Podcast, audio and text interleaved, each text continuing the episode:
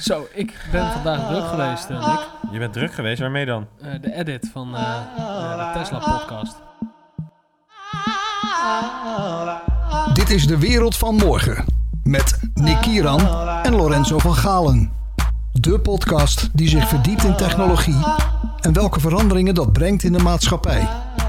Mensen weten niet eens meer dat we die hebben beloofd, joh. Dat is al zo lang geleden. Klopt, maar hij is wel eindelijk af. En ja, weet je wat er is veranderd in de tussentijd? Amsterdam heeft aangekondigd 2030 geen elektrische, uh, alleen nog maar elektrische auto in de stad. Dat hebben we allemaal gewoon gemist in die podcast, omdat we zo lang erover doen om hem te publiceren. Ja, jammer is dat. Maar dat weet niemand. Nee. Maar hij staat wel online uh, inmiddels. Dus ik hoop dat mensen het leuk vinden. Deel 2 Is dat zo? Is dat zo? Ja, staat hij nu al online of deze plaatsen? Oké, okay. nee, okay, En deel 2 komt hierna. Uh, en vandaag hebben we een tussendoortje wat dat betreft. Nou. over, iets, over, over iets heel anders. Nou, het zit tussen de twee podcasts in. Deel 1, mm -hmm. deel 2. En vandaag gaan we het hebben over... Brand Humanizing. En dat is een bekende stem. Ja. Derde keer. Derde keer. Er is maar één iemand vaker in de Wereld van Morgen podcast geweest. En dat ben ik. Nee, nee. dat zou ik wel zeggen. dat, is, uh, dat is Bob ja. Dus uh, professor Dr. Jonathan Flores. Is ja, dank jullie wel. Ja, jullie, uh, jullie, het is een welbekende stem. Want je hebt er inderdaad nou, nu, nu dan drie keer ingezeten. Ja. De eerste keer was... Uh, uh, growth hacking. growth hacking, ja. inderdaad. En we hebben het de laatste keer over brand humanizing gehad. Ja. We gaan daar vandaag een beetje een revisited... we gaan een, we gaan een slagje dieper misschien. we gaan, oh, we gaan hem zelfs uitbreiden en een slagje dieper. Ik ben heel benieuwd. Ja. ja. Zegt Lorenzo al lurkend aan zijn kopje koffie. het ziet er wel echt... Ik moet zeggen, Lorenzo... Mm -hmm. ik ben andere tijden gewend geweest dat we nog geen eens koffie hadden in de studio. ja, ja, het gaat vooruit, hè? We gaan echt... Uh... Wel decaf, maar uh, dat terzijde. Volgende keer krijg je, gewoon, uh, krijg je gewoon eentje met cafeïne. Precies. En met Jonathan, neem ons even mee. Waar hebben we het vorige keer over gehad? Heel even korte introductie. We gaan het heel kort eventjes over hebben. Um, we hebben het natuurlijk de, de vorige keer heel erg gehad over de opkomst van AI, kunstmatige intelligentie en automatisering. En hoe dat zijn impact begint te krijgen op de wereld van vandaag en de wereld van morgen. Mooi brugje. Oh. en kun je jezelf ook nog introduceren voor iemand die nog niet de uh, eerdere versie heeft gehoord? Ja, nee, mijn naam is uh, Jonathan Flores. Ik heb een achtergrond in marketing. Ik heb een master in marketing management van de Erasmus Universiteit. En ben eigenlijk sinds dat moment de tech-industrie ingegaan en niet meer weggegaan. Um, en dat is ook daarin heb ik een aantal paden gevolgd. Hè. We hebben de, de, allereerste keer dat ik hier ben geweest, ik denk dat dat nou twee jaar geleden was. Ja, dat is een van, wel een van onze eerste. Ja. Was dat, uh, ja, een van onze eerste ja. podcasts wel. Toen hadden we het over growth hacking. En uh, dat is iets wat ik nog steeds heel erg tof vind. Hè. De manier waarop uh, bedrijven kunnen groeien door te kijken naar hoe de startups in Silicon Valley dat hebben gedaan heel data gedreven, et cetera. Mhm. En uh, de wereld is uh, inmiddels verder geëvolueerd. En uh, de opkomst van ja, kunstmatige intelligentie en automatisering... die begint nu impact te krijgen op de mensen thuis. De mhm. consumenten, maar ook medewerkers, maar ook bedrijven. En heel kort, voor iemand die niet weet wat growth hacking is. Een voorbeeld bijvoorbeeld? Een, een, laat ik zeggen, growth hacking is, is eigenlijk heel iteratief en data gedreven groeien kijken waar ligt op dit moment mijn grootste zwakte. Hoe kan ik dat wegnemen op basis van data mhm. en uh, op die manier zo snel mogelijk. Dus in het uh, geval van de Albert Heijn is dat al het personeel wegbezuinigen? Ja, kan kan. Ja, ja, ja. Je hoort het hier op de Wereld van Morgen podcast. Ja, maar dit, zijn, dit zijn dingen die we vandaag uh, de dag dus... Uh, dit zijn de vragen waar de bedrijfsleiders uh, mee te ik maken zeggen, krijgen. Daar hebben we wel een podcast over gedaan met, met Picnic. Maar, ja, nee, maar, nee, maar als je erover nadenkt over growth hacking... is het wel iets in die trant. Kijk, ik zie niet ja. dat over, altijd over het wegbezuinigen van personeel gaat. Maar het gaat erom... Ja. Stel dat je erachter komt dat een punt in je bedrijf is... bijvoorbeeld stel dat iemand in jouw hotel komt. Even hotels voorbeeld. jij komt binnen en je wordt netjes begroet... en je wordt uh, begeleid naar de receptie. Stel dat dat echt immens veel impact heeft op je tevredenheid. En die tevredenheid heeft weer immens veel impact op je volgende boeking. Ja. Dan kun je je gaan uitrekenen, gewoon heel simpel. Wat kost die man om mensen te begroeten? Mhm. En is dat misschien een manier om dat te doen? Of misschien moeten we de receptie juist wat meer naar voren plaatsen.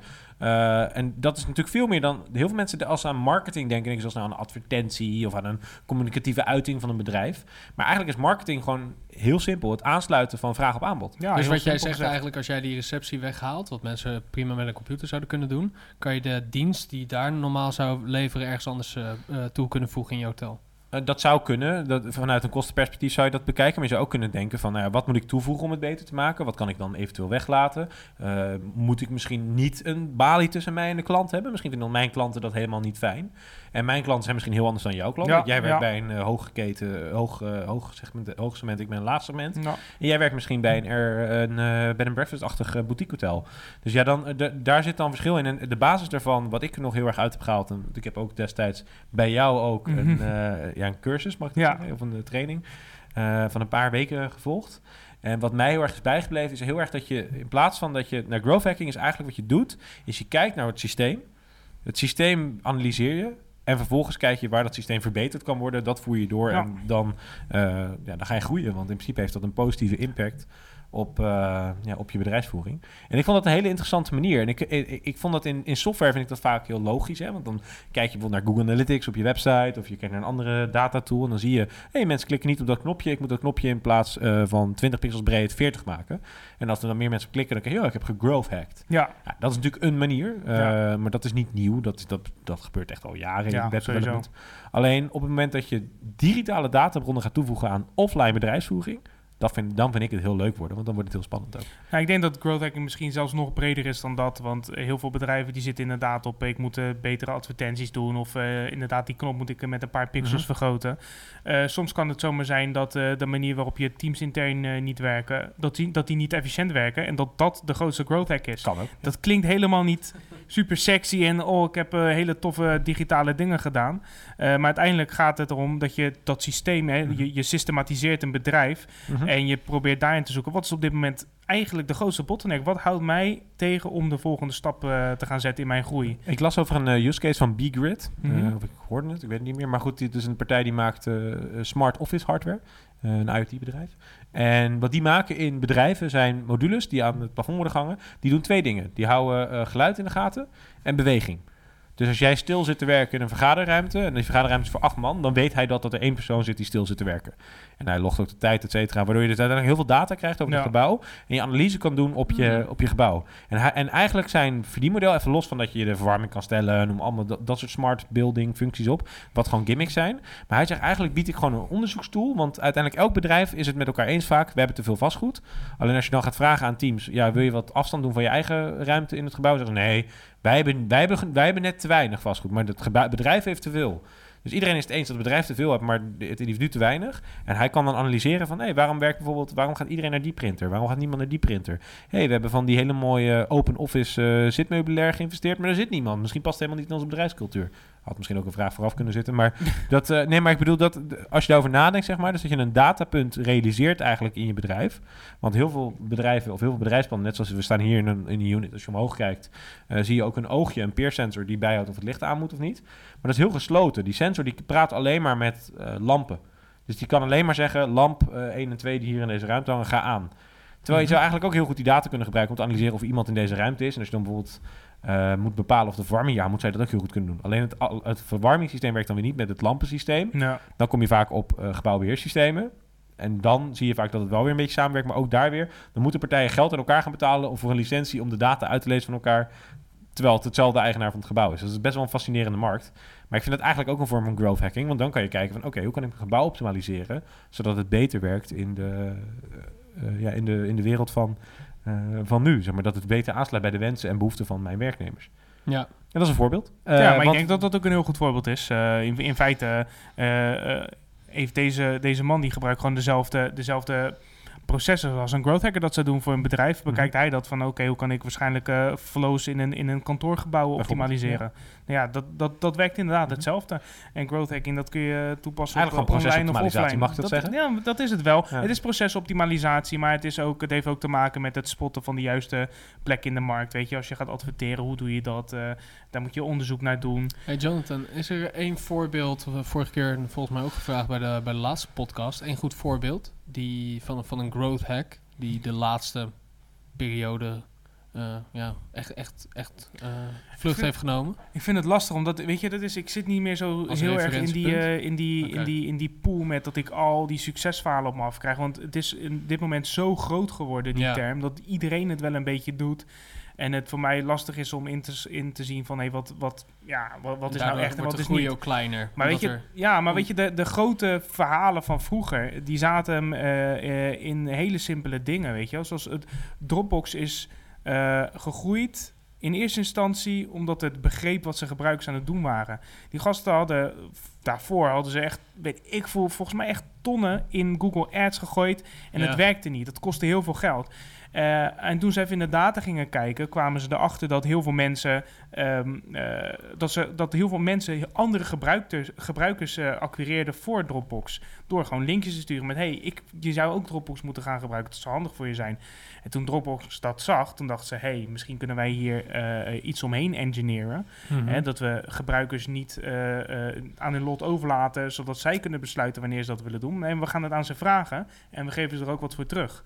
En zo hebben ze, is dat hele storage uh, referral toen, uh, systeem gekomen. Volgens mij had je toen 2 gig uh, standaard opslag ja. gratis. En dan kreeg je 200 MB per elke gebruiker ja, die je aanbracht. Tegenwoordig zie je dat heel veel. Hè? Ik bedoel, als je Uber-app...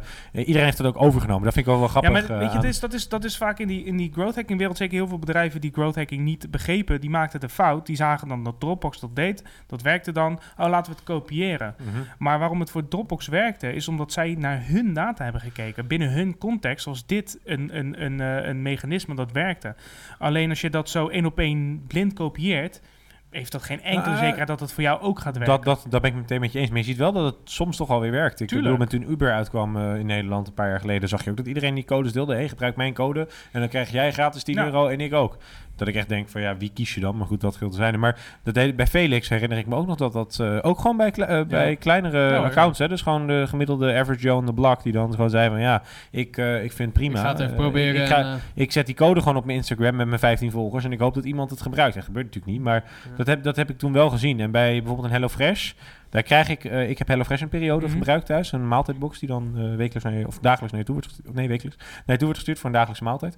En daarin zat soms, om de zoveel tijd, kreeg je een, zat er een briefje in met... Hey, uh, je hebt hierbij heb je een gratis box om weg te geven aan je vrienden. Hij is nog bij twee maanden geldig. Er zitten natuurlijk heel veel uh, Chialdini technieken ja. in, in, in zo'n kaartje.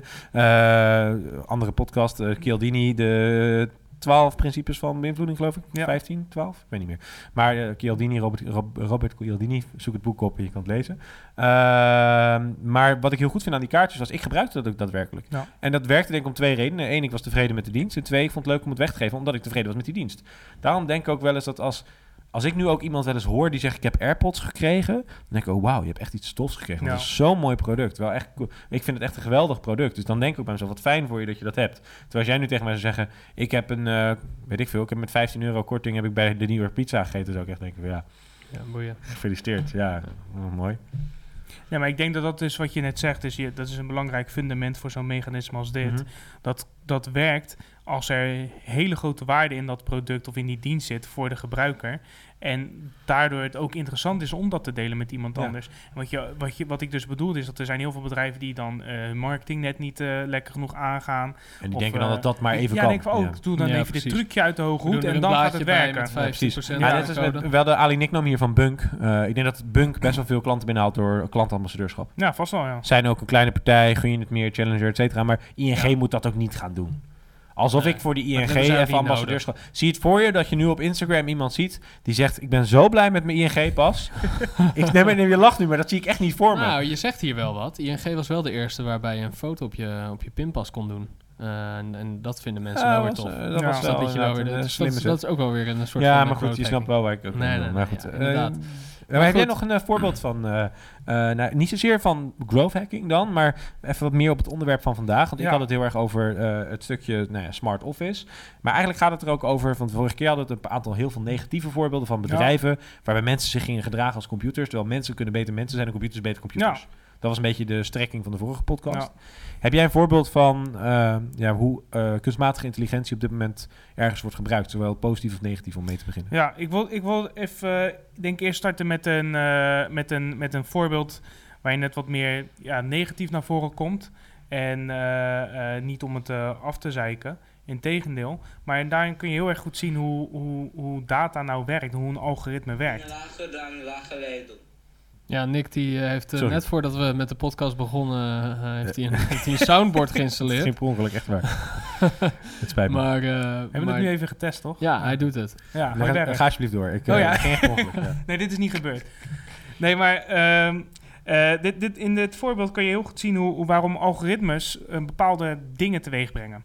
Hè, de, Amazon heeft een heeft een tijdje geleden geconstateerd bij hun intern van... hey, ons hiringbeleid dat is best wel seksistisch. We nemen gewoon heel veel meer mannen aan dan vrouwen.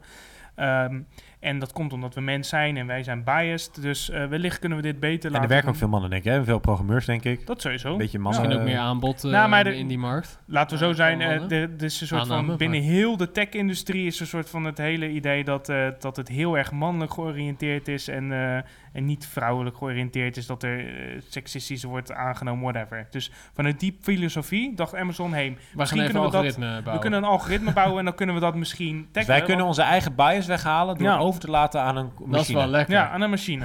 ja, ja of, machine what could possibly go wrong, zeg maar, in dit verhaal. Of alles, heel weinig. Uh, nee. nee, maar ik bedoel... Het is helemaal goed gegaan. Wat, ze denken, benieuwd, wat ze denken is dat zo'n machine natuurlijk helemaal... Die, die heeft geen menselijke emoties. Dat is maar een script, hè. Mm -hmm. Eentjes en nulletjes. Mm -hmm. Dat is een, een, een computerprogramma dat... Uh, uh, moet werken. Maar een algoritme, dat, dat heeft eigenlijk behoefte aan twee zaken. En dat is een, een definitie van succes. En in dit geval uh, is dat dus een, uh, een profiel van iemand die dus wel succesvol is. Mm -hmm. um, dus en het bepalen van dat, het, dat is, het algoritme bepaalt dit zou een succesvol persoon zijn ja. voor Amazon. Nee, nee, jij, dat is informatie die je aan het, aan het systeem moet geven. Jij moet eigenlijk tegen het systeem zeggen: hey, dit is voor mij mm -hmm. succesvol als je dit kunt bereiken. Ja. En vervolgens moet je dat algoritme trainen. En om een algoritme te trainen heb je data nodig, historische data. Dus wat doet uh, Amazon? Die, die spit natuurlijk uh, in zijn eigen uh, systemen. En die kijkt naar hey, welke mensen zijn nou binnen mijn organisatie succesvol geworden. Ja, precies. Um, en we pakken die cv's erbij. En we gaan cv's gaan we labelen. Nou, we laten de, de cv's van succesvolle mensen, die labelen van... hey, dit zijn goede mensen, deze willen we hebben. En die succesvolle mensen, die werden gemeten aan de hand van hoe ze gegroeid zijn in het nee, nee, dit, uh, ging alleen maar, dit ging alleen maar op uh, uh, de enige data die, die deze, dit, dit algoritme kreeg, was, waren cv's. Dus de, de bot werd gebouwd om cv's te screenen ja. en te kunnen zeggen, deze persoon moet je wel aannemen en deze niet. Okay. Okay. Zonder menselijke interventie. Ja. Dus de, de, de, de robot die had die definitie van succes. Hey, dit is voor mij een succesvol profiel. En vervolgens kreeg hij uh, verschillende cv's. Uh, uh, werd, die, werd, die, werd hem aangeleerd om te trainen van wat is goed en wat is fout.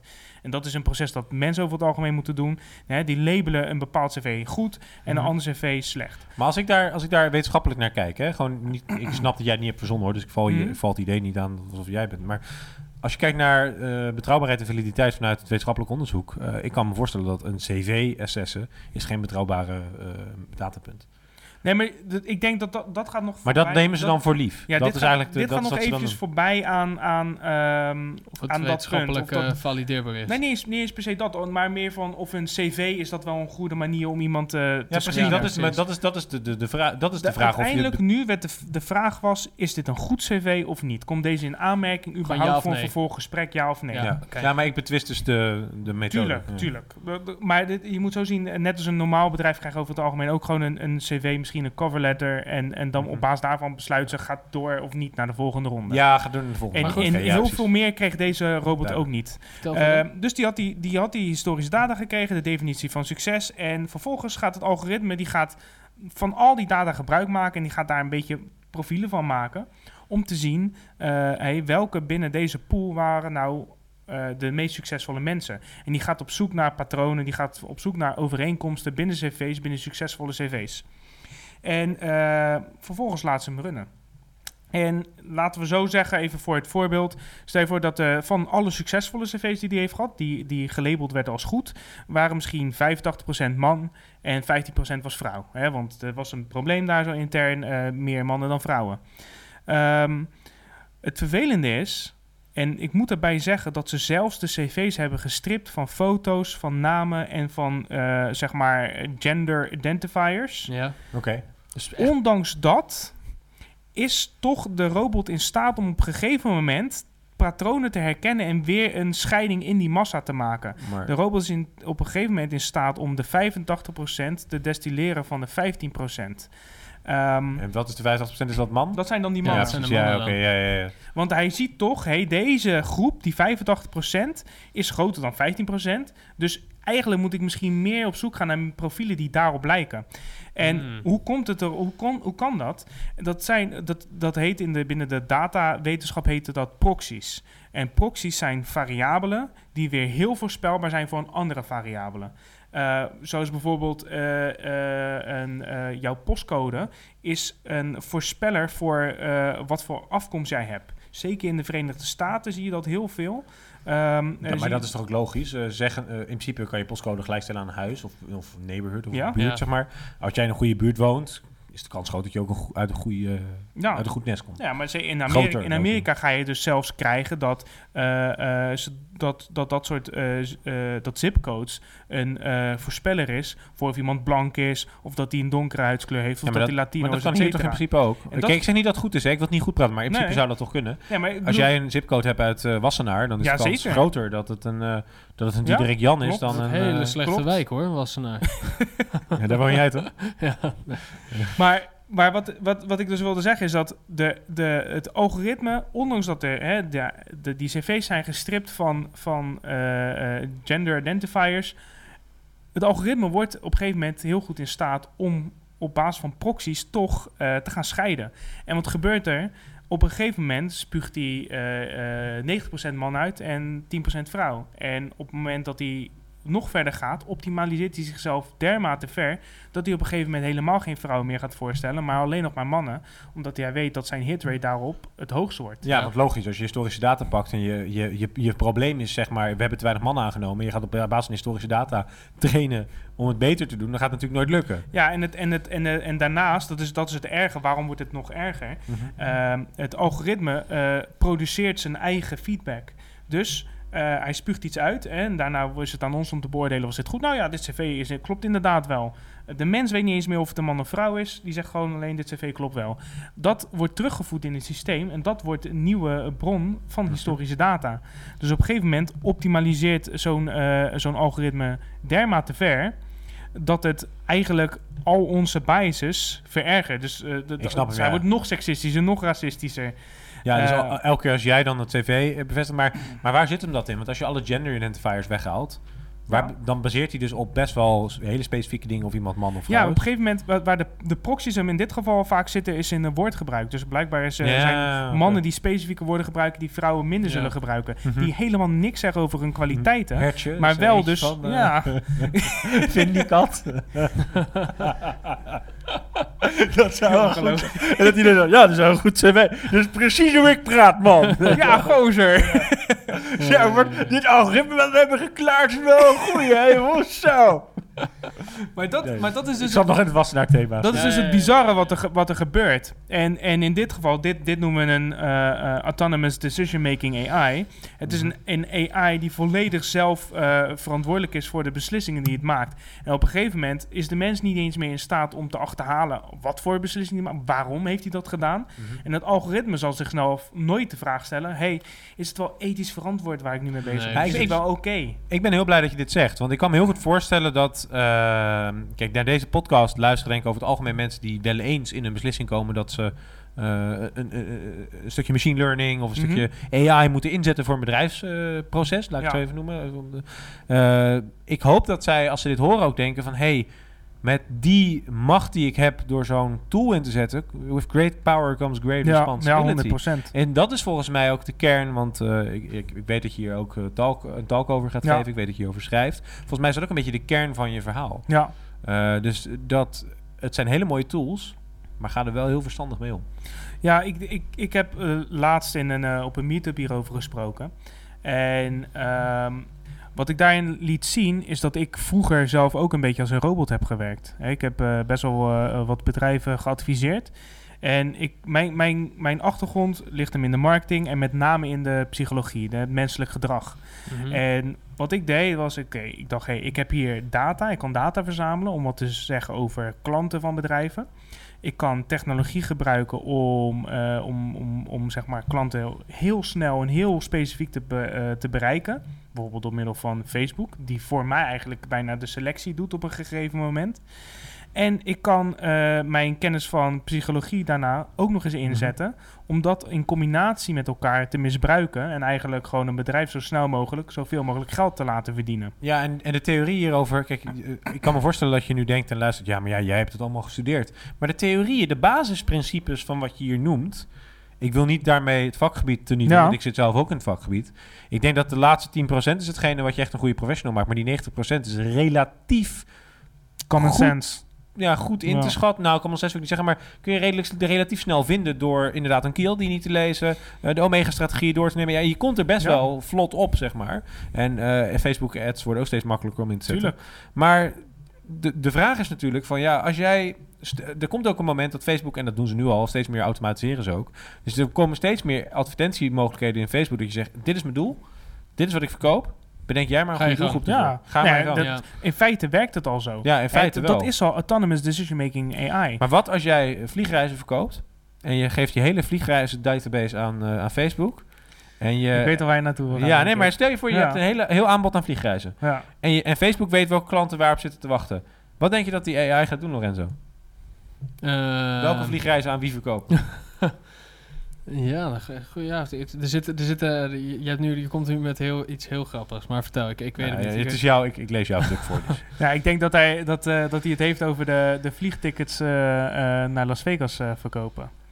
Het is eigenlijk is er Want? niks mis mee. Stel je voor dat ik, ik ben een, eh, een, een reisbureau of ik eh, Mhm. ben een consultant die is ingehuurd door een reisbureau om eh, meer eh, vliegtickets te verkopen. Ja. En eh, bij wijze van spreken, KLM heeft nu een promotie. Er zijn veel meer vluchten naar Las Vegas toe en ik ja, wil die die, gaan vanaf promoten. juni, eh, die gaan direct nu naar, nog, nog meer naar Las Vegas. nou, ze gaan vanaf juni pas echt naar Las Vegas. Oh, dat gaat ook echt gebeuren. Dat gaat ook echt Ja, nou, gebeuren. voor mij Oh, was het- nee. Het is echt Nou, gebeurd. nou, ik wist, ik, even kijken, maak je nou een grap? Ik maar nee, nee, ik Nee, weet dat echt- KLM vanaf dat- 6 juni een directe vlucht Nou, naar mooi- Las Vegas. mooi- mooi voorbeeld Dat dan. perfect voorbeeld. Ik ben nu de marketer eh, en ik weet eh, eh, dat eh, de mensen die naar eh, Las Vegas gaan, dat zijn mensen tussen zoveel en zoveel jaar oud. En die spelen 21 meestal plus. ook een bepaald eh casino-spelletje waar ze mee inloggen Oh, via een. Facebook-account. Ik, en wat er gebeurt, Misschien. is dat ik ga... Ik heb een, ik heb een visual gemaakt. Ik, ik eh, zeg, nou, als iemand hierop klikt, dan gaat het naar die link. En ik zeg tegen Facebook, ehm, nou, ik wil dat je mijn advertentie eh, laat zien aan mensen die het meest geneigd zijn om bij mij te gaan kopen. Mhm. En vervolgens dat een algoritme, die gaat autonoom bepalen aan wie die de advertentie wel gaat laten zien en wie niet. En hij gaat testen en hij gaat op basis daarvan gaat hij optimaliseren. Ja, Wat gaat er gebeuren? eh, er komt een eh, gokelement in. In de advertentie. Nee, Zet nu 10 euro in en win een reis naar Ja. Las Vegas. nou, dat, ik, ik, het bedrijf zijn gek genoeg om dat te doen. Maar en, het gaat niet, dit is nog iets door, dat door een mens is verzonnen. Mhm. Wat gaat het algoritme doen met, met, met de, de- ik, heb hem, eh, ik heb hem alleen een visual gegeven. Ik heb gezegd, iemand die hierop klikt, die wordt gelinkt naar deze pagina om te kopen. Ja, Eh, en ik heb gezegd, eh, laat het gewoon zien aan de, de mensen die het meest geneigd zijn om, om dit Mhm. aan te schaffen. Ik denk dat de Facebook advertising software suite zo ver gaat dat die zelfs in app zit. En dat je tijdens je potje online blackjack de optie krijgt alles op rood of een reis naar Las Vegas. Ja, het, het algoritme gaat op zoek, heel simpel gezegd, net zoals we hem hebben gevraagd, naar mensen die het meest geneigd zijn om te kopen.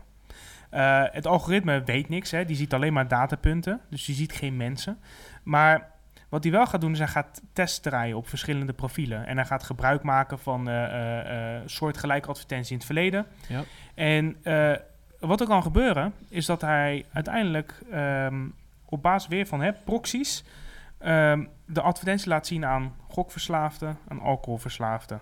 Dus eigenlijk En hoe eh, weet je de dat? perfecte doelgroep van, hoe- eh, van, eh, van, eh, voor dit soort vluchten. En hoe weet je aan de hand van alcohol en gokverslaafden... eh, hoe weet je dat, dat mensen alcohol of gokverslaafd zijn vanaf, vanaf Nee, een dat- Facebook-account? De grap is dat Die algoritme weet het niet. Het, Nee. er zijn, het, het kan zo zijn, en dat is dus een algoritme is in bijvoorbeeld staat... elke vrijdagavond om drie uur even zijn Facebook checkt met een iets andere afwijkende swipe beweging.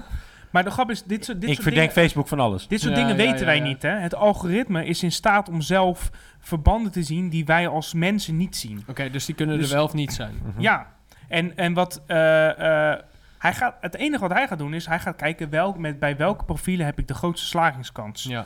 En het kan zijn hè, dat dit dus gokverslaafden zijn of, eh, Mhm. of eh, alcoholverslaafden of mensen die Ja, moet je eh, daar wel van houden. Maar er zijn inderdaad echt belachelijke manieren om dat te zien. Ik, ik heb wel eens gehoord dat eh time spent on Facebook tussen bepaalde tijden al een enorme predictor kan Natuurlijk. zijn. Ja, maar Dit, dit is dus, dus, hij gaat proxies zoeken dat voor is dit soort type mensen. Voor inderdaad Ja. zo'n profiel. Dus maar eigenlijk is het gewoon een regression analysis, toch? Wat hij doet. In Ja, principe, in, in, in feite is- pakt Je gooit er nu een term uit. Maar, eh, ja, een, een, een kansberekening dat het klopt. Ja, Oké. Dus eh, je doet een voorspelling bijvoorbeeld. Ik zeg, nou, de kans dat jij eh, het dartpijltje in de Is roos X. gooit is Ja. 0,1. Dus waarschijnlijk moet je dan 10 keer gooien eer dat je een keer de uh, precies. raakt.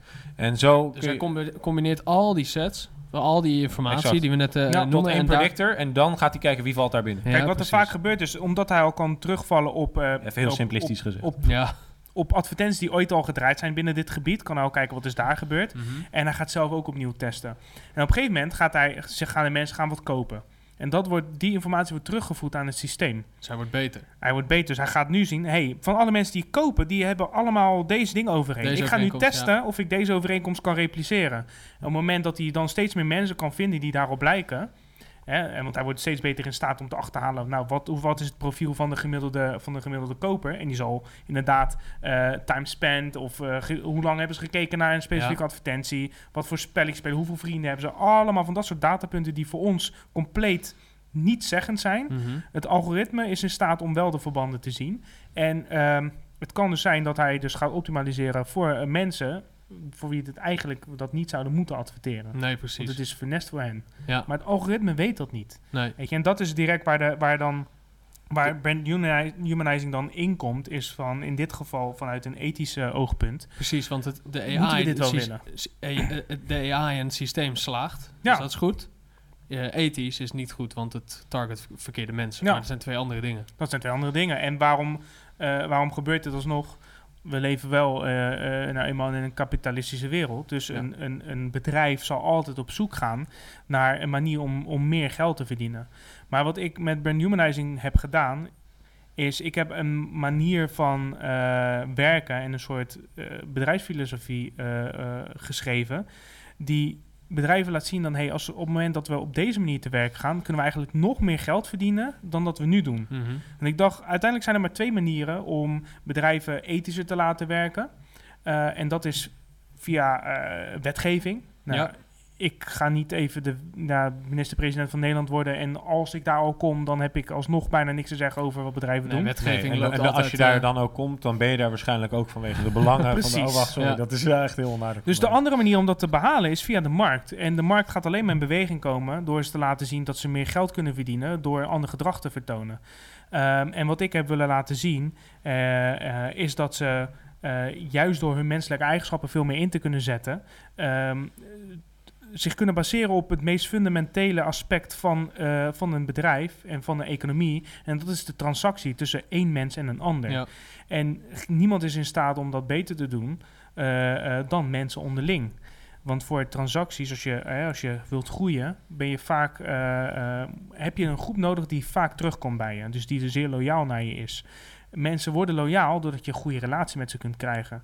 Goede relaties kun je creëren door mensen naar elkaar te zetten. En ehm, dat kan niet altijd nu.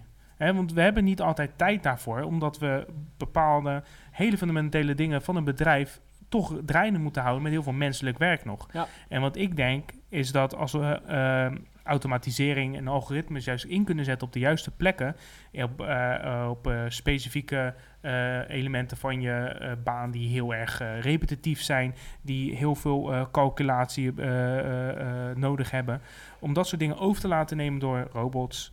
Eh, eh, en door automatisering, die het Hey. veel beter kan, dan kan de mens veel meer weer mens zijn en zich juist bezighouden Ja, met die tuurlijk. elementen Ja, ik- die ik daar zie- belangrijk Maar zijn. zie jij, nog heel even over dat ethische, eh, ethische, die ethische vraag. Ja. Oké, we hebben wel ons doel bereikt, want we gaan meer reizen naar Las Vegas Ja. verkopen. Wel aan de verkeerde mensen, dus dat is niet goed.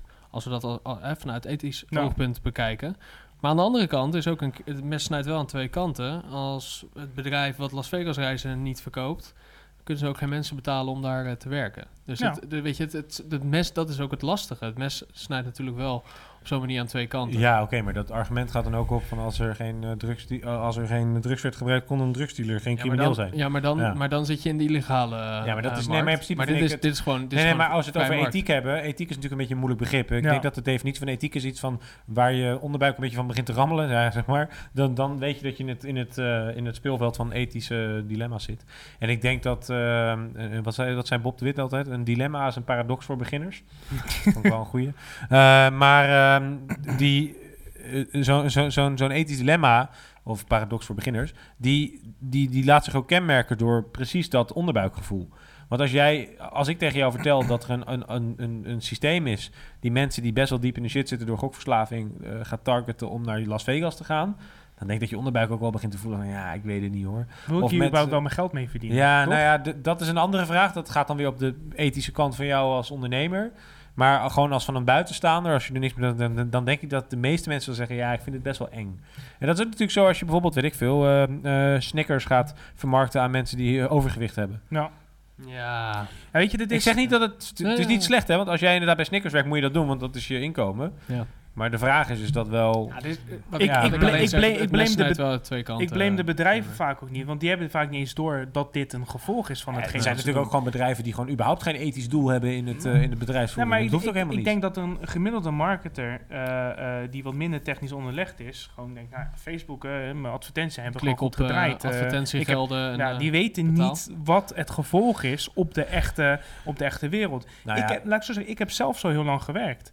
Maar ben je technisch praktisch dan onderlegd? Nee, Want jij hebt, wat jij nu doet is eigenlijk technisch-filosofisch bij. Ja, nou, niet alleen filosofisch, ik denk ook wel praktisch. Kijk, wat, wat ik heel lang heb gedaan, uh, jarenlang als marketer, is uh, uh, vergeten te begrijpen dat wat ik aan het doen ben, hè, mhm. dat geldt niet voor andere bedrijven, dat dat een impact heeft op echte mensen.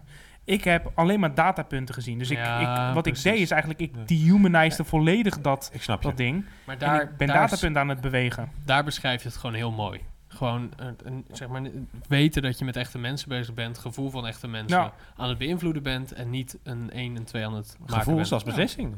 Ja. beslissing. Nee, ja, maar ik mijn gevoel om. Het bizarre is dat ik me daar dus heel lang niet echt soort van bewust van ben geweest. Weet je, je weet wel dat je iets aan mensen verkoopt, maar toch, hè, het zijn, het, je, je, kent ze niet. Je ziet geen gezichten erbij. Je ziet, maar goed, je ziet alleen maar. We blijven wel onze data geven. Ja. We blijven accounts aanmaken, we blijven liken, we blijven ons aanwezig zetten op evenementen, we blijven Gmails aanmaken. Terwijl we ons, denk ik, inmiddels wel bewust zijn van onze privacy.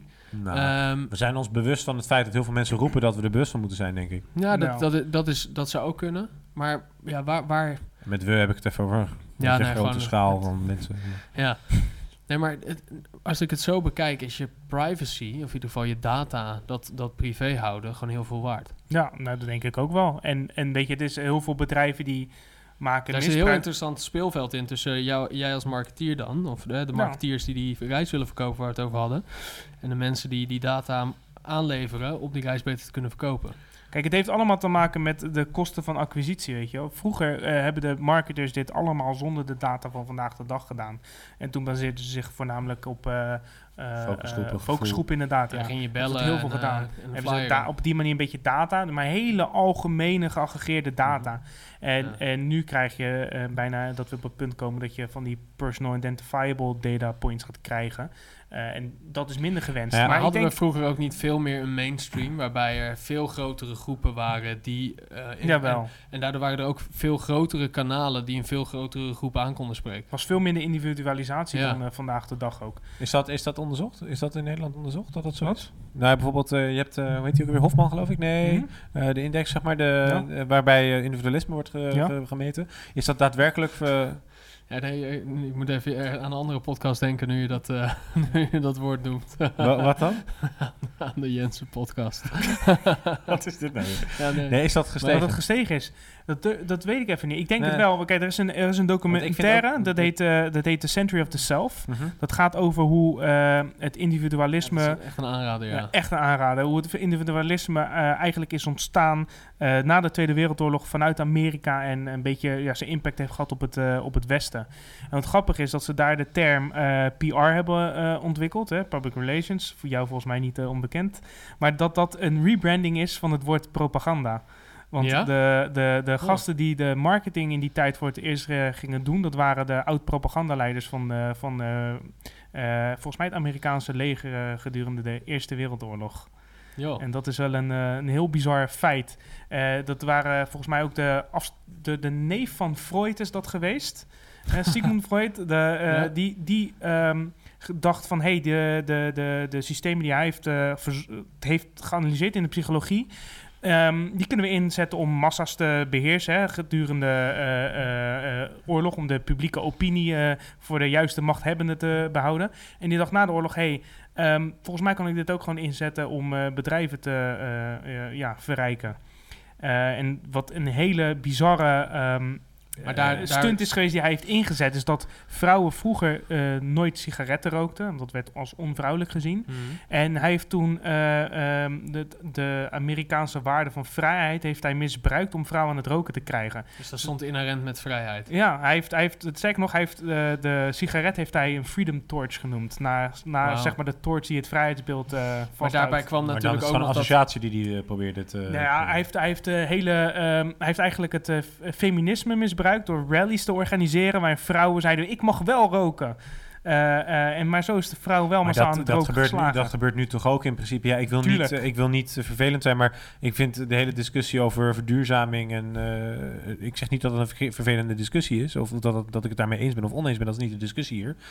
Maar ik zie heel veel methodieken daarin terugkomen die je nu beschrijft. Ja, Uiteindelijk, uh, maar dat is... ja, ja, je bedoelt, uh, wat bedoel je met verduurzamen? Ja, de energietransitie. De energietransitie, klimaat, dat soort... Uh, ja, die discussie, ja. ja. Maar ja, dat zie je veel terugkomen. Ja, ja, zeker. Dat is ook gewoon een soort marketing. Als, je, als, je nu in deze, als we nu dit, net dit verhaal van jou Alleen, hebben gehoord... weet je wat het vaak het is? allemaal wel marketing. Sommige onderwerpen denken we bij onszelf... Kijk, als we het dan bij de verduurzaming hebben, denk ik... Ja, nee, maar dat is goed, want dat is een goed onderwerp. En dan gaat het over roken. Ja, maar dat is slecht, want roken is slecht voor je. Maar dat is natuurlijk niet de discussie waar we het hier over hebben. We hebben het hier over... Je hebt je hebt een bepaald effect of een, of een, bepaalde causaliteit die je kan bereiken als, als, als onderzoeker of als, als marketeer of als wie dan ook.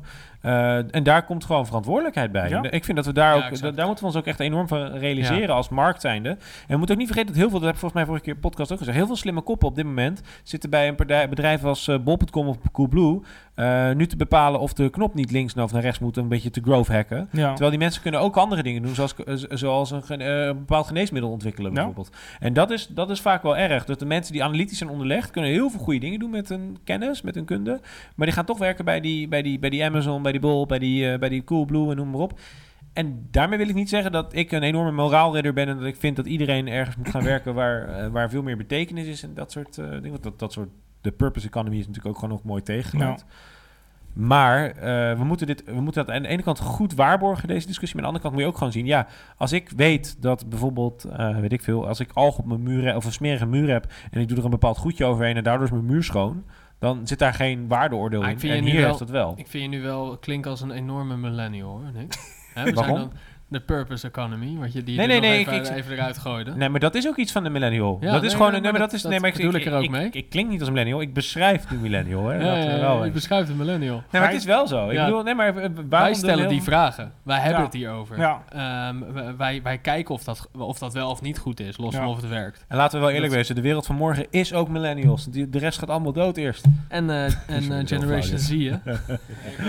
Daar heb je wel gewoon een punt. Dat is wel waar. Waarschijnlijk gewoon waar. Kans is statistisch wel het grootste, ja. Laat ik zo zeggen. Als we het even over eh, statistieken hebben. Laten we daar ook even een regression analysis over doen. Ik denk dat die wel goed uitkomt. Ja, ik denk dat ook wel, ja. Ik denk dat we p-waarde wel goed omhoog... Uh, ja, maar wat ik, wat ik grappig vind, is dat je net zegt is van, weet je, er komt een bepaalde verantwoordelijkheid bij die krachten die we nu hebben. En in mijn uh, vorige talk die ik heb gegeven, liet ik zien van, weet je, dat ik die combinatie van data, technologie en psychologie, ik, ik beschreef dat als een, als een superkracht en een, en een, een superpower. En een superpower kan alleen maar een superpower zijn op het moment dat je ervoor kunt kiezen om dat in te zetten voor iets goeds of voor iets kwaads. Weet je wel, de superhelden zoals Superman, die heeft de superkrachten, die heeft ervoor gekozen om dat in te zetten voor iets mhm. goeds. En in de laatste Avengers hebben we nu uh, Thanos natuurlijk, die uh, ervoor gekozen heeft om zijn... Uh, uitkijk met spoilers? Ik, heb, ik heb hem zelf nog niet gezien, hè, dus ik, dus ik kan geen spoilers geven. Maar weet je, hij, hij heeft ervoor gekozen om zijn, zijn, zijn kracht voor iets anders te gebruiken. En ook wij als marketeurs hebben die keuze. Ja. Dus het is juist aan ons voor om te bepalen, wat doen we daarmee? Voor de mensen die die film hebben gezien. Zelf ik heb deed, gezien. Ik ben zelf deed Thanos me heel erg denken aan Jesse Klaver. Dus ik wil ik even laten. ik moet even in laten dalen. Zijn ultieme doel. ik zit een beetje te plagen. Nee, maar uh, uh, ik zat zelf... Ik, ik, een mooi citaat, denk ik, op, om dit een beetje te beantwoorden. Uh, echt een heel mooi citaat vond ik van... Op het moment dat je kunt... Dat, dat je de kracht hebt gekregen waarmee je iets kunt... En je doet niks... Dan is alles wat daarna gebeurt wel jouw schuld. Ja. ja. ja. Grote quote, Spider-Man. Tom Holland, ja. laatste adventure.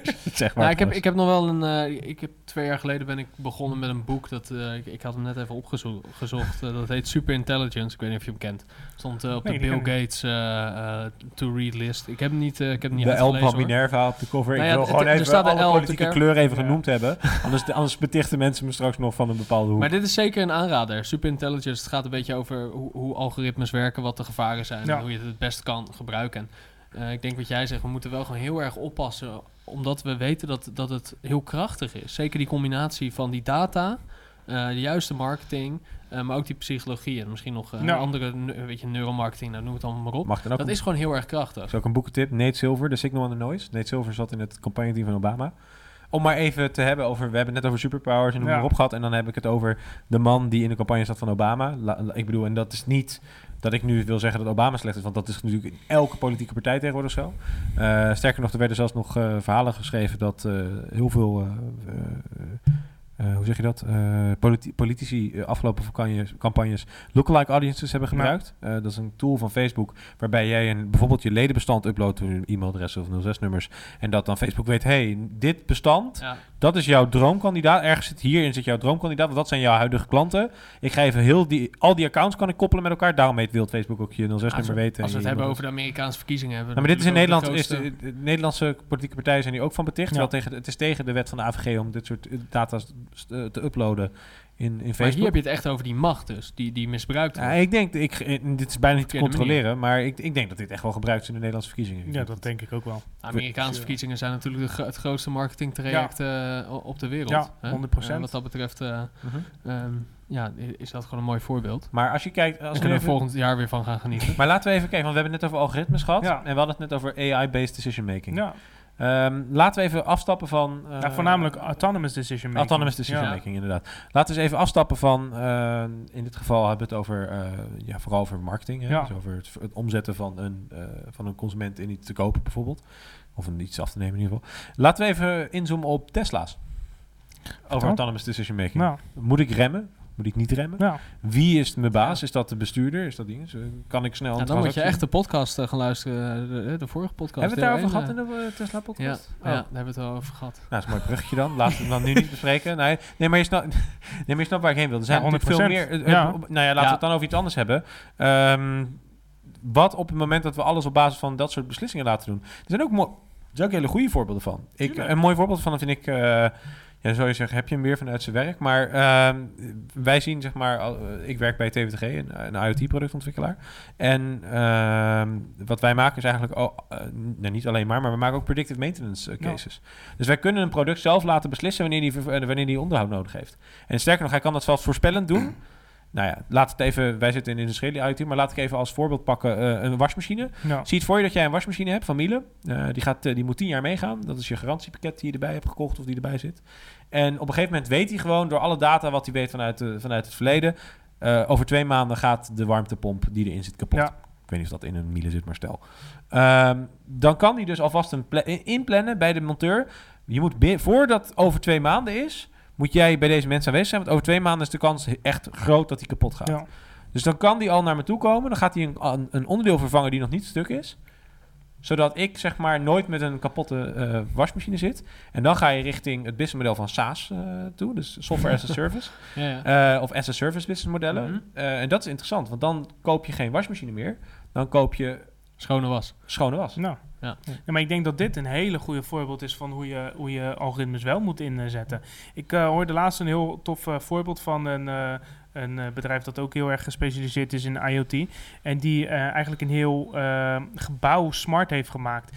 Die warmte, licht ehm, eigenlijk eigenlijk volledig reguleert op basis van ja, verschillende sensoren. Volgens mij hadden ze infraroodcamera's, Volgens mij hebben we hetzelfde voorbeeld waar ik net mee begon. Was dat B-Grid? Nee, nee, oh, andere. nou ja, goed, het, is, zijn meerdere partijen. Heel tof, maar ook bijvoorbeeld wat ze ook in dat, wat ze in dat gebouw ook regelden. Even los van de klimaat en de lamp. Ik denk dat dat nog misschien makkelijker is. Maar ze keken zelfs naar ehm, dingen zoals wanneer moet het toilet weer verschoond worden. Want nu heb je eigenlijk een heel erg simpel systeem. Ik kom één keer in het uur. Mhm. Maar soms komt er één iemand in een uur. En soms komt komen er honderd mensen in een uur. Ja, dit, soort, dit soort business cases eh, herkennen wij ook veel. Hè? Als, nou. uh, als, als, ik, maar in ik, hoeverre, even mijn werkpad uh, in, in hoeverre is dit, is dit een, een, topic bij bedrijven om dit, om dit te optimaliseren? Nou, weet je, dit is, er was een bedrijf die kon volgens mij echt in binnen een jaar miljoenen bezuinigen. Aan? Aan euro's. Echt aan, aan, euro's. uren die ze normaal... Aan, nou, nee, niet aan uren, meer van... Uh, de, ze, ze bezuinigden uh, energiegebruik. De uh, toiletten waren veel schoner, waardoor de, de, de ervaring veel beter was. het is gewoon heel rendabel. Het is super rendabel, maar het is... Wat, wat hier het verschil, wat we hierin maken, is dat het... het de, de, de beslissing die de AI hier maakt, zijn nu heel simpel. Word ik, ja, ga ik naar 20 graden of naar 21 graden? Um, hey, moet ik nu een pingetje sturen naar de toiletdame uh, of uh, over 10 minuten? In plaats van uh, ga ik jou proberen over te halen om een ticket te kopen naar Las Vegas, want volgens mij ben jij een groepverslaafde. Weet je, dat zijn hele andere type dingen.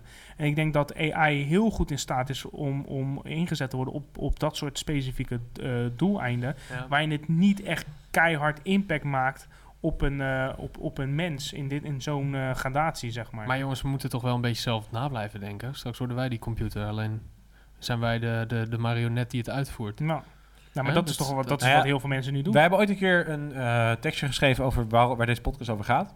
En de vraag is, uh, die we onszelf stelden toen we begonnen in 2015 was...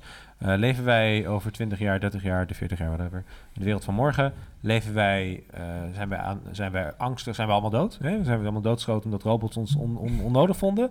Of ze liggen wij in een hangmat en komt er iemand een pina colade, een robot een pina colade brengen... Ja. en heel de wereld is geregeld en we hoeven nergens meer over na te denken. Ja. Alles opgelost. Mm -hmm. Ja, goede vraag. Maar dit is een levensproject voor ons, toch, Nick? Dus wij kunnen daar gewoon uh, over uh, 30, 40 jaar op terugkomen. Ja, zeker. Dat doen we. We blijven gewoon uh, going strong. En dan refereren we terug naar deze, deze podcast. Nee, maar ik vind, ik vind het wel heel gevaarlijk. Ik vind wel dat we moeten blijven nadenken. En, en, en, en gewoon wel ons, onszelf moeten blijven. Of zeg maar als individu. Ja. En wel zelf keuzes blijven maken. Want ik ben soms echt bang dat ik, dat ik dingen mis. Bijvoorbeeld op Netflix. Een heel stom voorbeeld. Als ik ja. bij jou inlog op Netflix of bij jou of bij mijn vriendin, uh, ziet het er heel anders uit ja. dan. Hè, ik, ik kom gewoon niet uit die bubbel en dat benauwt me. Dat ja. benauwt me echt. Uh, hetzelfde met muziek, hetzelfde met. Uh, Wat zie jij op Netflix als je inlogt? ja, wat zie ik op net? Nee, ik, ik zit heel erg in... nou, dat kan ik je zeggen. Ik zit heel erg in de misdaad, uh, misdaadhoek. Dus ik heb misdaad, uh, weet je, uh, How to Make a Murderer, weet je, dat, ja. soort, dat soort series. Ik zie Dead to Me. Dat klinkt wel heel... Haar man is Die dood. Ook Verdriet en woede spoelt ze weg met wijn. Nou, dat klinkt inderdaad als iets ja, voor mij. Ik ook weten. Ja, nu, nu, klinkt dat wel goed bij mij. Nee, maar en daarna zie ik Spider-Man. Nou, dat is wel... ik zie een of andere bondage-serie. Oké, okay, dat is wel heel heftig. The Perfect Date, Jane the Virgin, Undercover, Lucifer, Street Food. Dat is totaal anders dan bij mij. Maar vrijdag kijkt, oh mijn vriendin Maar wist je ook dat bijvoorbeeld Netflix bij een vrouwenaccount uh, laat zien als plaatje? Dus dat dat er al anders uitziet? Ja, dat, uh, dat had je verteld. Ja. Dat, althans, dat zei je net voor de ja, podcast. Dat, voor de podcast. dat is nog niet op record. Nee, wat, wat, leg eens uit, Lorenzo. Ik ben heel benieuwd. nou ja, ik, heb net ik wist het niet. Nee, heel nee. bizar. Ik wist het dus ook niet. Maar ik, ik, kwam, daar, ik kwam daar twee weken geleden achter. Ik vond het, uh, vond het bizar. Maar ik, ik, ik weet niet, ik ben er wel bang voor. En ik ben, ik ben dan zelf wel zo'n eigenwijs die dan juist de andere kant ja, op gaat. Ja, tegenovergestelde wil doen. Ik ga gewoon platen kopen en neem geen uh, Spotify. Ja, maar, dat is, nee, maar dat is het hele idee achter een uh, paradigmaverschuiving. Je hebt twee wereldbeelden. Op het moment dat die twee wereldbeelden bij elkaar komen, heb je een soort over die clashen. Ja. Dan zie je heel veel frictie krijgen. Dus mensen die inderdaad platen gaan kopen. Totdat het ene wereldbeeld zoveel groter is dan de andere, dat dat de nieuwe realiteit is waar we ons in bevinden. Dat is gewoon theoretisch gezien is dat een paradigmaverschuiving. En ik denk dat als je naar bijvoorbeeld Spotify kijkt, die heeft hem al helemaal overgenomen. Ik denk voor Absoluut. onze groep, uh, onze nou, leeftijdsgroep iTunes al. iTunes nee, nee, maar als we kijken naar onze leeftijdsgroep, iedereen zit denk uh, echt het grootste gedeelte van onze ja. uh, categorie, mensen van onze leeftijdscategorie zitten in streaming audio. Nou. En die kopen geen cd's meer. Nee. En de paar mensen die nog cd's kopen, dat zijn een paar van die inderdaad van die puristen of die LP's gaan kopen zelfs. Ja. Dat, die zitten gewoon een beetje er tegenaan schreeuwen van kijk mij eens even wat anders doen, zeg maar. En dat is niet iets negatiefs, hè. Ik bedoel, nee. uh, nou, als iedereen naar vakantie gaat naar Mallorca en ik ga naar IJsland, ben ik ook, ben ik ook zo bezig. Zeg maar. Wat wel tof is bij Spotify is dat je, je hebt natuurlijk algoritmisch gerealiseerde playlists die voor jou zijn gemaakt. Die vind ik echt heel goed zijn. Ik bedoel, ze hitten echt wat ik wil. Dat, tuurlijk, dat wel. Maar, maar wat ze ook doen, ze hebben ook gewoon menselijk gecureerde playlists. Waarbij je alsnog de keuze hebt om dingen te, te ontdekken. Uh, die je niet had verwacht op basis van een menselijke interpretatie. En ik denk dat dat wel heel mooi is als die wereldbeelden zeg maar, elkaar uh, tegenkomen. Want ik ben uh, dus zeker met brand humanizing, dat wil ik, dat wil ik duidelijk maken, niet tegen uh, algoritmes en automatisering. Ik ben daar heel erg voor juist. Ehm, mits het in dienst werkt van de mens en niet vice versa. Maar ik voorzie een toekomst waarin de mens en de machine juist hand in hand samen de, de uitdagingen van de toekomst op zich gaan nemen. Weet je, het feit dat we bijvoorbeeld dat foto van het zwarte gat hebben gezien dat is eigenlijk, van, als we kijken naar de technologische uh, mogelijkheden die we vandaag de dag hebben, niet mogelijk. Maar er is uh, uh, een dame geweest die een algoritme heeft geschreven.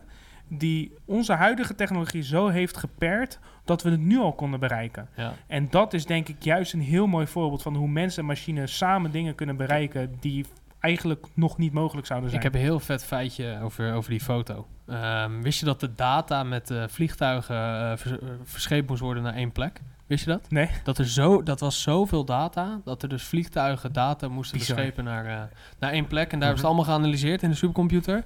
En dus dat plaatje... Uh, ja, en uh, Vodafone heeft erop gereageerd Het heeft ook een jaar geduurd, hè? Alles, uh, alles Vodafone heeft erop gereageerd dat uh, met 5G was dit niet nodig geweest. Nee. Your fake news. met 5G was dit niet nodig geweest. Nee, dus, precies. Hun pitch.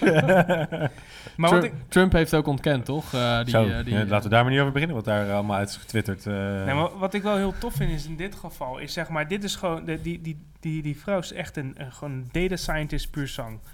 En, maar die heeft haar, haar menselijke creativiteit gebruikt om, om een, een robot te schrijven die de mens weer kon helpen om dat doel te bereiken. Ja. Weet je, dat is wat bedrijven moeten leren omarmen. Uh, want in zo'n situatie um, heb je uh, klanten die je veel beter aan het helpen bent, die je vertrouwen en een vertrouwensband met je kunnen opstarten en een lange termijn relatie met je aan kunnen gaan. Je krijgt medewerkers die gelukkiger worden omdat ze minder robotische taken hoeven uit te voeren en meer hunzelf mogen zijn, hun creativiteit, hun menselijke eigenschappen mogen gebruiken.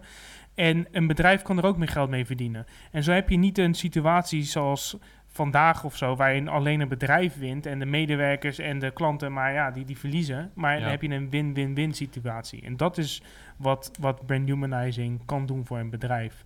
Uh, en dat is denk ik, uh, dat zou de toekomst moeten zijn. De manier waarop we juist omgaan met deze technologie. Nou, volgens mij een hele mooie afsluiter uh, wat dit betreft. Maar we zijn nog niet klaar, Nick. Uh, want jij wilde heel graag aan het einde van deze podcast het over uh, iets totaal anders hebben. En uh, daar ben ik wel heel benieuwd naar. Want jij staat hier voor je, met voor je neus een. Nou ja, ik, ik heb een iPad Pro als main ja. computer. En dat is nu een heel stom onderwerp over te gaan praten. Ik dacht dat is leuk om over te hebben. Maar, nee, ja, ik ben heel benieuwd. Uh, nee, dat gaan we niet doen. We zitten, we zitten mooi aan het einde van deze podcast. Ik vond het ook heel mooi wat ik opende Spotify en zei: Ik vind het heel mooi dat algoritmes. Uh, uh, ja, eigenlijk uh, voor ons ook heel goede dingen kunnen doen. Dat ze ook goede aanbevelingen kunnen doen, vind ik heel vet. Um, zelf open ik mijn Spotify en het eerste nummer wat ik zie staan vond ik een, eigenlijk bijna een soort poëtische afsluiting. Ik wil jou enorm bedanken. En ja, jou ook, Lorenzo. Lekker, ja. zijn er bedrijven trouwens die bezig zijn om zeg maar met mens en computer uh, beter te matchen? Dus soort Tinder voor mens en computer. Biohacker. nee, ik denk wel dat er heel veel bedrijven zijn die, die op hele kleine schaal steeds meer van dit soort dingetjes aan het doen mm -hmm. zijn. Ik denk dat bijvoorbeeld wat, uh, wat Apple doet in de, in de retailwereld. Ze zijn volgens mij het enige retailbedrijf dat zo sterk groeit. Mm. En dat is omdat ze iets fundamenteel anders doen. En ze laten heel veel taken daar overnemen door, uh, door machines, door robots. Zodat uh, de, de mensen die daar werken, en er werken vaak een heel hoop mensen bij een Apple Store, zich volledig op die klant kunnen focussen. Ja, op het bouwen van die relaties. daar echt enorm hoog is. Ja. ja. ik, heb, ik heb wel eer, is eerder gezegd, ik ben uh, een paar weken geleden bij die, uh, bij die uh, de, de, Loop geweest. Ja. dus die, die UFO in ja. Californië. Nou, daar, volgens mij testen ze daar al gewoon AI-medewerkers hoor. Volgens mij zijn dat gewoon robots. Nou. Want, volgens, mij is, volgens mij is dat gewoon een testground voor. Ziet er wel vet AI, uit, een soort UFO. Maar ik wil eindigen, mensen die daar werken. ik wil eindigen met, met de aanbeveling van Spotify. Ik kijk hier naar een uh, cover van Major Lazer. Ik zie uh, mannen met uh, cyborg-elementen op hun gezicht geplaatst in de albumcover. het zijn sterker nog, het zijn cyborgs met zo te zien AI-muzieksmaak. En als we het toch over hebben over van hoe we ons zich moeten gedragen, dit nummer heet Get Free van Major Lazer.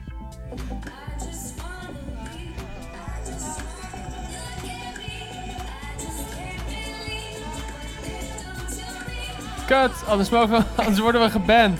Dan worden we geband door het algoritme, jongen. ja, echt, hè? Algoritme van 18 jaar.